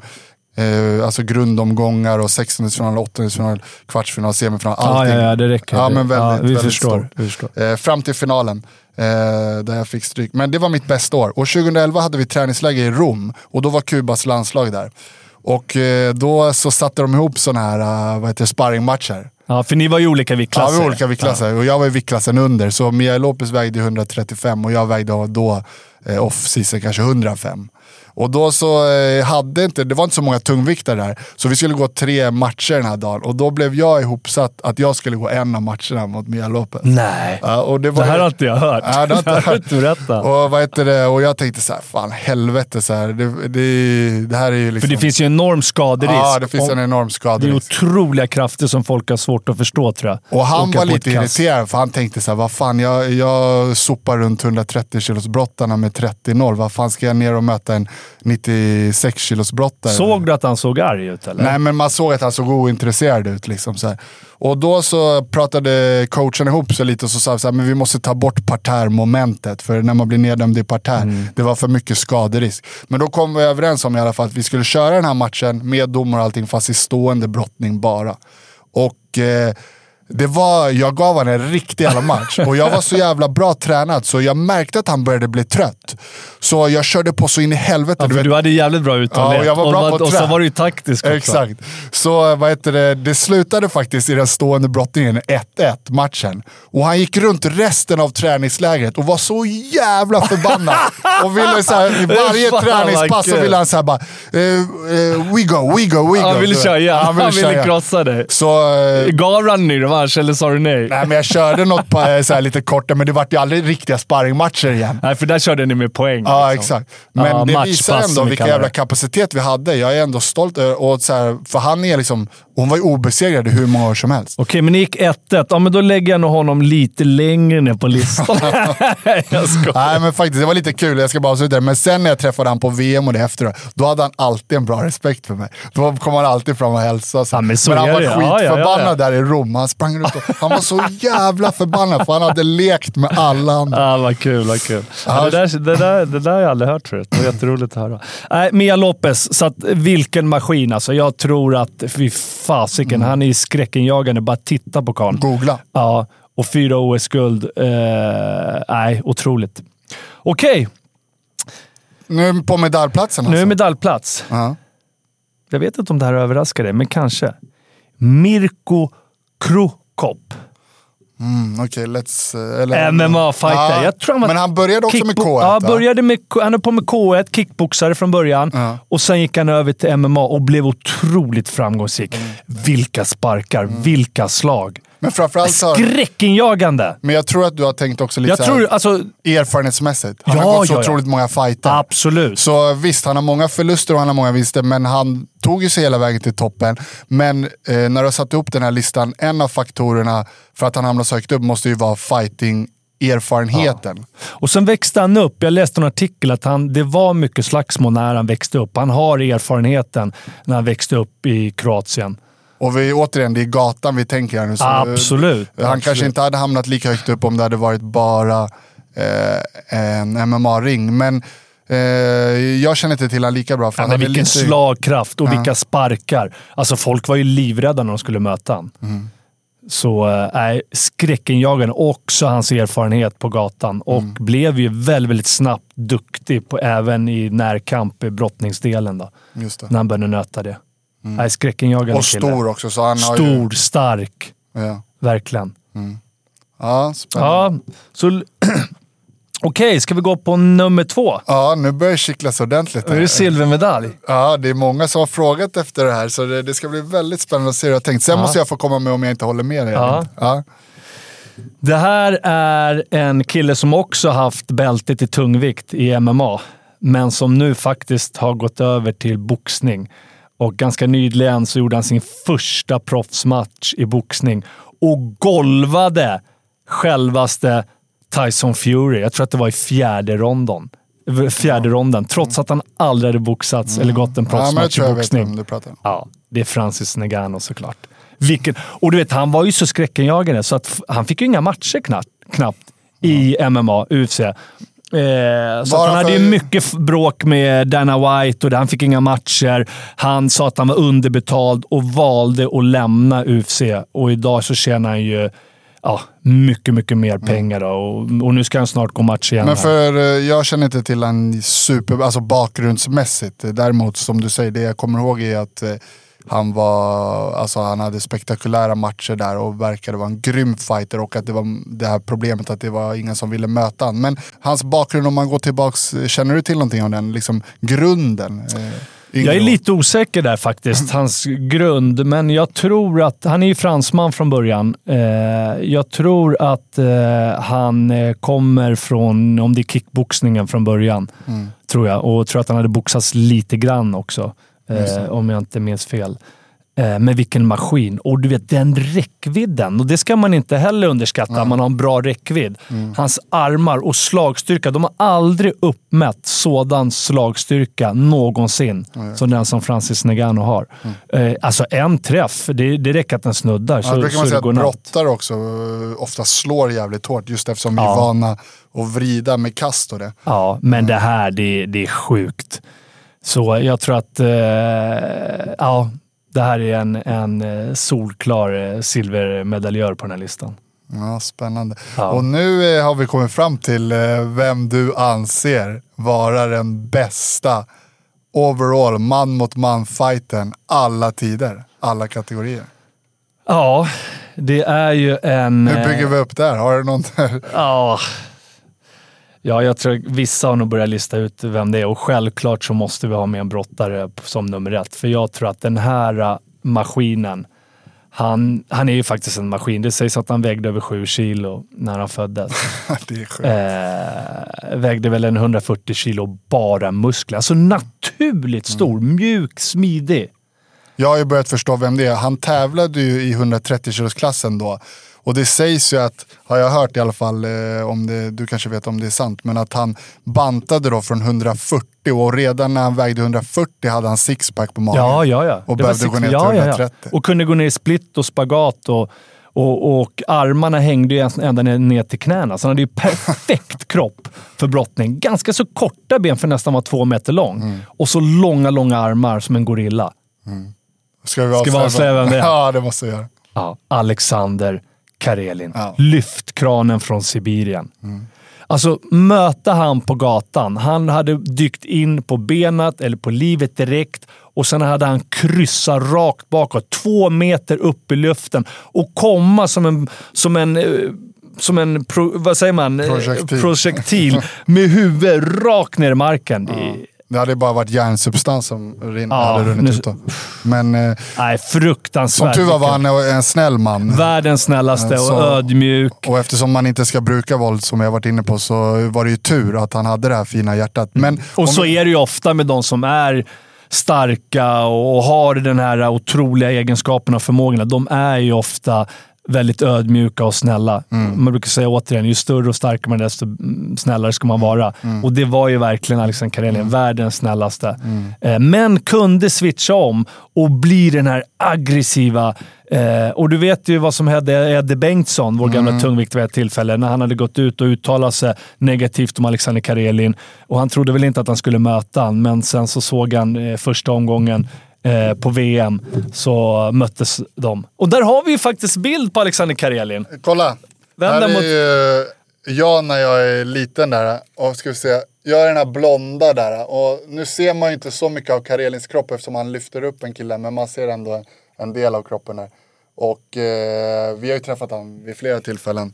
Ja, det var ju så för att Spårvägen, vi hade ju lag-SM, vår klubb Spårvägen. Och då tog ju vi in, men då fick man ha två utländska brottare. Så vi lånade in Alexander Karelin vid ett tillfälle.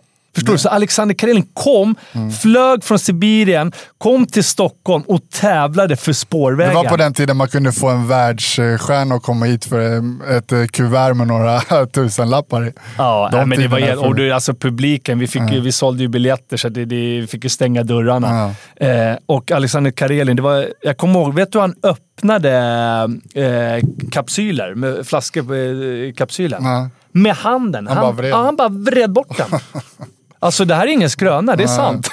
Ja, det är sjukt. Han är... Men jag tänker också på det här som du sa, att varför vi skulle kunna motivera att han är den absolut bästa.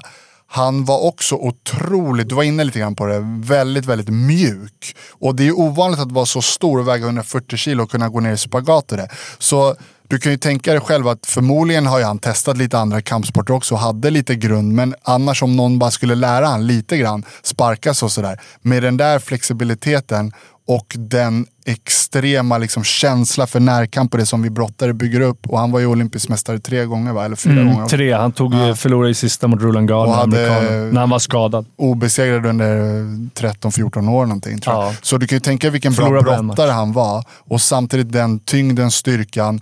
Och hade också den här uthålligheten som är en viktig kvalitet för att vara en bra fighter. Och eh, mjukheten. Mm. Alltså, rö- eh, Så han, hade, han var ju komplett liksom på så Mm. sätt. Nej, otroligt. Så det är mina tio, men vet du vad det sjukaste av allt är? Nej. Att jag tror att det finns någon jävla slugger där ute. Någonstans, kanske ute i en förort i Rumänien. Någon sån här riktig som sitter på puben där ute och som bara är helt grym på att fightas. Som skulle sopa mattan med de här har på listan. Det finns säkert en sån här jäkla djurmaskin. Ge inte, det där är lite, nu ger du lite hoppet till alla jävla pubnissar. Jag tror ju faktiskt tvärtom egentligen, men jag fattar vad du menar. Det finns någon dold talang där ute som är sjukt bra på att. Ja, ja, ja, ja. Men om man kommer, syvende och sist så handlar det om det är idrottsmän, det är atleter. Så jag tror ju inte att det finns något sånt. Men det är många som vill tro att det finns något och det är många som Jo. tror, att, tror sig vara en George själv. Scott berättar, gamla boxaren, berättar en jävla rolig historia för mig. Han var i samma stall. Jag tror det var Buster Douglas eh, som det här var då. Eh, gamla världsmästaren i, i tungviktsboxning. Ja. Och de körde, tränade i samma gym.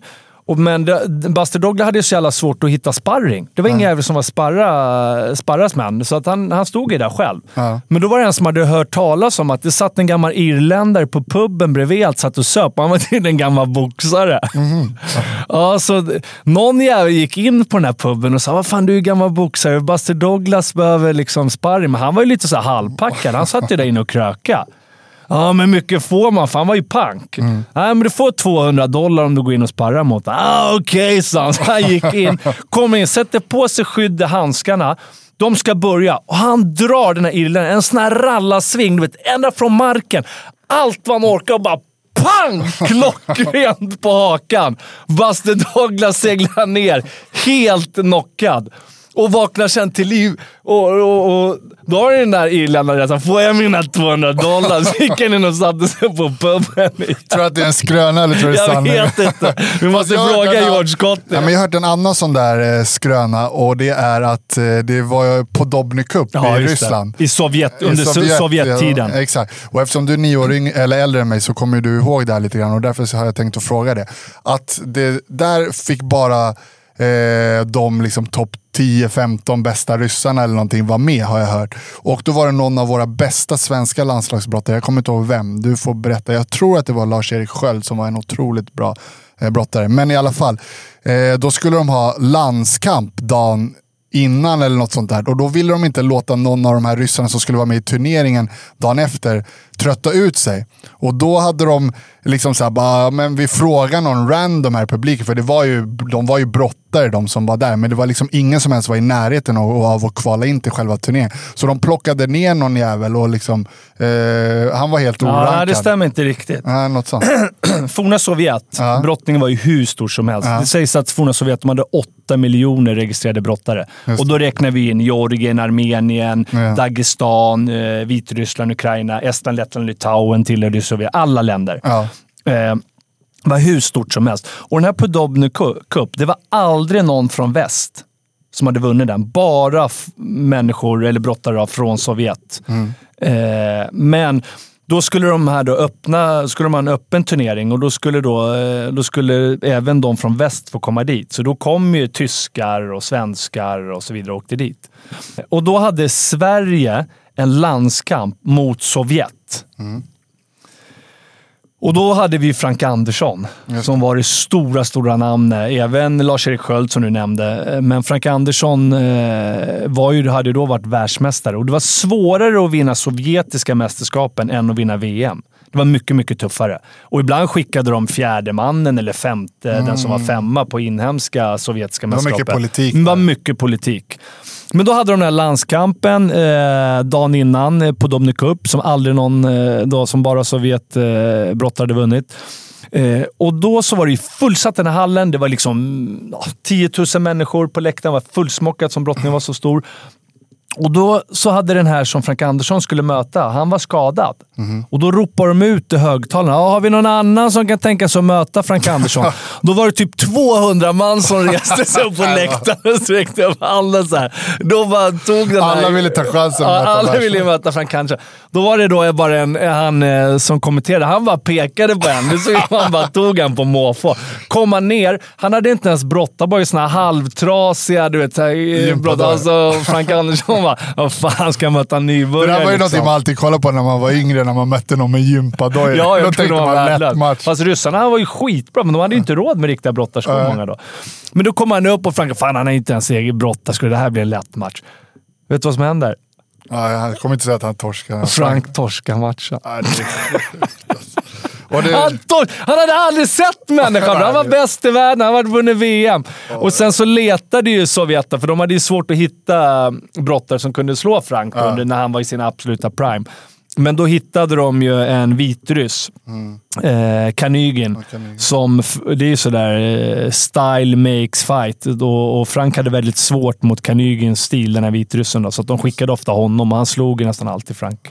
Jag vet inte ens om Frank slog honom. Då. Men eh, på tal om det, på Franks tid, nu ska man inte förringa hans insatser och det, men då var det ju bara en ryss som kom till På mästerskapen, ja, ja, När vi precis. tävlade, då hade ju östblocket fallit och då var ju helt plötsligt de bästa 15. Liksom. Det Ja. var ju en Georgier, en armenier. Och inte bara det. Var du tvåa i Georgien Mm. exempelvis, då, och då kunde du byta pass väldigt, väldigt enkelt inom forna Mm. Sovjet. Så, alltid då de kunde du bli armenier eller du kunde tävla för Ryssland eller Estland eller någonting. Så bytte du bara pass Ja, eh, och kunde tävla för dem. För du var ju tvungen att vara bäst i ditt land för att, för att representera landet. Då. Eh, vad heter det? Vi ska ju snart börja avrunda, men eh, jag tänkte ta en sån här one fits all. Sen tänkte jag faktiskt eh, bara reflektera på din lista jättekort, för jag håller inte riktigt med dig. Jag vill också. Vi kan dela på en. Ja. Och det här One Fits All, det är en grön drink. Det är vår sponsor också, som vi är väldigt stolta över. Eh, och det är en grön drink med bara ingredienser från växtriket. Och de kommer så här. Man prenumererar på det här på onefitsall.se och då kommer det dagsdoser, 30 stycken. Frystorkat och då bevarar man alla hälsosamma ämnen. Till skillnad från kanske då frukt och bär och grönsaker som man köper som ibland transporteras långa sträckor. Det kan vara besprutat. Eh, det kan ha fryst och tinats upp och så vidare. Och då försvinner väldigt mycket av näringsämnena. Men här frystorkar man direkt på plats, så det bevaras. Så det är därför det är så otroligt effektivt också. Då. Kände jag behövde lite energi bara för att eh, avrunda det här avsnittet och eh, på så sätt eh, både hylla och dissa din lista lite grann där. Jaha, okej. Eh, jag saknar ju några namn på listan där. Eh, som jag saknar. Och då, först och främst så saknar jag Khabib. Eh, Khabib, ja. Nurmagomedov exakt. från Dagestan. Från Dagestan. Jag vet att han Ja, men inte... Jimmy, fan, han, väger väger 60 kilo. Jag vet, han De väger inte upp tungt, honom till men frukost, ändå. även om han är en grym fighter. Ja, nej, men jag tänker så här. Att när, Hade det varit oberoende viktklass, då, då kan jag hålla med dig. Absolut, men jag tänker även i det här fallet. Han hade inte varit högt upp på listan på grund av att han är lite liten. Men off-season så kan jag tänka mig att så här, ändå han är i hyfsat bra form utan att bli fet och väger kanske någonstans 76-77 kanske. Och med den, de skillsen han hade så hade jag ändå velat haft med honom någonstans. Sen saknar jag eh, John Jones, eh, som jag tycker ändå eh, borde ha varit med. Han är stor, han har Ja, han har varit obesegrad länge och han... ehm, ja, men en fantastisk fighter. Men vi, jag får göra min lista någon annan gång. Men jag ska bara säga vilka jag, jag eh, saknar. Sen så saknar jag också... Men Mimmy, det här är maskiner jag har tagit med. Det är, det är djur alltså, de jag har tagit på listan. Jo, John Jones, han är John grym. Jones Han är också- grym, men det här är djur. Det är maskiner. Ja, men vad fan. Mm, vänta, vilka hade du där på åttonde, sjunde, åttonde plats? Det var någonstans där jag tänkte, men vad fan den där lönniga jäveln slaktade Brock jag. Lesnar eller? Brock Lesnar, kallar du han lönfett då ska du fan ha en smäll alltså. Eh, Mirko, Nej, men längre ner på eh, Efter Grace. Fedor, Nej, Fedor. Ernesto Host. Ja, men Ernesto Host, mm, okej. Eh, ja, jag tror ju fan att en John Jones, eh, jag menar utvecklingen har gått framåt och allting. Så han tror jag faktiskt hade eh, slagit Fan, han är ju ben som sticker för fan. Mm. Och samma sak med. Brock Lesnar, jag vet inte där, men jag är lite kluven där. Men okej, men sen saknar jag faktiskt en annan brottare som jag inte tror så många känner till, men som jag bara tänkte så här. Det fanns en brottare, en amerikansk brottare som heter Cale Sanderson. Vet du Ja, just det, just det. Mycket väl. Han är ju den enda som någonsin har varit obesegrad i både high school och college. Jag tror han hade något så här 320-0 eller någonting. Och sen gick vidare och blev, eh, skulle ta, han hade ett mål bara sa han. Jag ska bli olympisk mästare. Så han vann he- allting i college, allting i, eh, eller allting i high school, allting i college. Gjorde en olympisk satsning och gick och tog OS-guldet och sen slutade han. Så vad heter det, och det var skitmånga som försökte få över han till MMA som sa det liksom, du har alla attribut som krävs och slutade liksom med ett eh, clean sweep, liksom ett zero record. Och det ska man Och veta han var stor också. Ja, och det ska man veta också att eh, de absolut bästa brottarna, Mm. de går ju ofta inte över till MMA. För de har tjänat bra pengar, eh, de har eh, blivit väldigt, väldigt kända och erkända från brottningen och så vidare. Så Exakt. de, de topp tre ofta. Det är väldigt, väldigt ovanligt att de brottarna Mm. Det var ju som vi själva i våra karriärer. Hade man eh, skolat om sig när man var 23-24 eller någonting, Mm. Ja, ja, absolut. då hade man haft världens chans att bli bra i MMA. Men vi var ju hela tiden med på VM och OS och sådär, så det var inte riktigt aktuellt. Men på tal om det, tror jag att, någon av, tror att vi hade klarat oss bra. Tror jag hade vi varit högt upp på en sån här lista. Kanske inte topp 10 då, då men... Nej, men jag tror alltså med våra egenskaper vi hade så hade vi säkert blivit ruggiga eh, såklart. Men det här är tunga. Det här är, alltså vi är maskiner också. Eh, misstro mig inte. Men det här är, det, det är maskinernas maskiner. Ja, det är klart topp 10. Eh, och 10. det är liksom det är tunga gubbar, men det ja, kanske. Men utan att nämna några namn sådär, man, kan ju, man tänker tillbaka lite på när man var i sin prime sådär. Och så vissa som ändå har lyckats ganska bra inom MMA. Det finns ju så här. Det var ju många gånger man var nere och så här, körde lite så här. Och återigen, jag har full respekt för att man måste lära sig. Jag kunde ju boxas lite grann också, det kunde ju du. Du körde ju med eh, thai och sådär. Men att det är ett, eh, man ska ha respekt för hela gamet. Men att man många gånger kände så här, fasiken hur har den här killen gått långt inom MMA? Och man kände så här, jag är ju maskin, han är ju Ja, men en chips. var ju så, uh, vet du, Dan Henderson, Mm. som tog UFC-bälte, som blev världsmästare. Han mötte jag många gånger Mm. Och besegrade och slog en i kvartsfinalen i, i OS i Atlanta bland annat. Och eh, han var ensam. Man tänkte många gånger, vad fasiken, Mm. kunde Dan Henderson eh, få bälte? Det hade ju fasiken jag kunnat klippt också. Mm. Ja, så man tänkte ju så många gånger. Sen körde ju- jag lite MMA och gjorde en sån här tryout-match som jag vann i, i Las Vegas då, på Hotel Mirage. Där. Eh, Så det var en rolig erfarenhet. Men precis som du säger, man hade avslutat sin karriär. Skulle man börja då när man är över 30? Det är sent Mm. eh, och så vidare. Så att, eh, det kittlade aldrig riktigt sådär. Ja. Men det kändes ändå som att så här, i en sån fighting situation när man var i sin prime och hade vi bara så här, fått lite mer eh, skolning där på de attributen med kanske slagen och sparkarna. Men fan vad jävla bra man var egentligen när man tänker tillbaks på brottningsdelen. När man liksom mötte de här som ändå hade kommit ganska långt inom MMA och man kände liksom så här, det, Ja, men tänk dig sån som Randy. Vad var Ja. han? Han var ju inte ens topp 10 i världen. Nej exakt. Och tog vad UFC-bältet. överlägsen man kände sig när man brottades med dem. Ja, Och verkligen. Hur lätt man tog ner Ja, ja. Nej, så Okej. eh, vi får väl vara, vad heter det? Vi är ödmjuka. vi Vi, vi är ödmjuka. Vi, vi... Ja. Så, men återigen, man Ja. kan punktera det många, många, många gånger. Men kom ihåg, man ska inte slåss på gatan, man ska vara ödmjuk, man ska vara schysst och ju större och starkare, desto snällare. Jätteviktigt. Men eftersom vi har fått den här frågan så många gånger så är vi tvungna att bränna av den här idag. Ja, kul första avsnittet med Brottarbröder. Lidberg spekulerar. Brottarbröder Brottarbröder spekulerar. Ja, verkligen. Ja, det blev eh, kul eh, prat. eh, Jättekul. Ja, vi är tillbaka med vanliga gäster och sen så... Mm. Vi har ju en fighter som är på gång här. Ja, som är på gång. Som Ja. vi ska släppa snart. Eh, ett program med. Och sen så har vi ju de här, om ni vill ha mer av de här Lidberg spekulerar har vad heter det, ämnen som Ja, ja, kanske vill att vi precis. tar upp. Så eh, skicka in, eh, skriv in i kommentarsfältet, börja följa, eh, dela, sprid podden, jätteviktigt. Prenumerera, för då kan vi fortsätta Verkligen. eh, komma ut med fler avsnitt som vi älskar. Och eh, vi, vi kan inte göra det utan våra sponsorer. Vi är jättetacksamma till One Fits All och eh, naturprodukter.se. Och sen så också, på tal om fighting, alla de här som har landat på nacken och, och brutit. De förra avsnittet är George på Elite Ortopedi. Ja, precis. så pusslar han ihop dem. Elite Ortopedi som är grym på alla typer av ledproblem och eh, har väldigt mycket både idrottare som är aktiva, men även efter karriären. Men som alla möjliga vanliga människor. Allt från pensionärer till ja, en av de bästa i. Europa på stamcellsbehandlingar.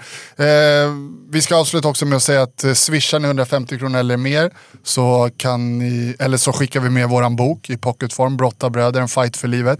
Eh, signerad självklart. Eh, och eh, som sagt, det är jätte, era lyssnare och tittare, ni betyder jättemycket för oss och vi växer hela tiden. Eh, och det är tack vare er, så man kan inte påpeka det nog många gånger att sprid podden, dela, gilla, prenumerera och så. Det är superviktigt. eh, Vad hittar man swishnumret då? Swishnumret hittar man i avsnittsbeskrivningen. Eh, och Om man vill ha en bok då? Ja, på Brottarbröds Instagram, på Brottarbröds TikTok kanske eller? Ja. Ja. i alla fall på Instagram. Så den, den kommer man hitta och så måste ni skriva med adressen om ni swishar såklart så att vi vet vart vi ska skicka eh, boken. Ja, vi avrundar där Den va? blir signerad också, eller hur? Ja, det är så. det är så. bra. Självklart. Okej, Ja, bra. bra. Bra, Eh, bra Fan, kör. nu var man Ja. sugen på att gå och köra ett pass. Ja, verkligen. Tack. Tack. Och som vanligt producerades det här avsnittet av produktionsbolaget Storyhood. Storyhood är ett produktionsbolag som producerar både böcker, poddar och ljudböcker. Så stort tack till Storyhood. Utan er hade inte den här podden varit möjlig. Glöm inte att prenumerera, följa, likea. Brottabröder Podcast.